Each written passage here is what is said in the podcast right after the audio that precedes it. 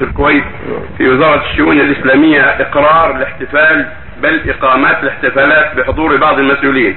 فلو تفضلتم جزاكم الله خيرا عن طريق إدارة الإفتاء تبيين وإنكار ونصح على مستوى الوزارة. جزاكم الله خيرا لمحاربة البدع.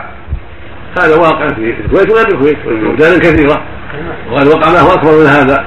تعطيل الشرع وتحكيم القوانين. تحكيم القوانين في الكويت وغير الكويت. أعظم من البدعة هذا وأكبر نسأل الله نسأل الله لهم الهداية.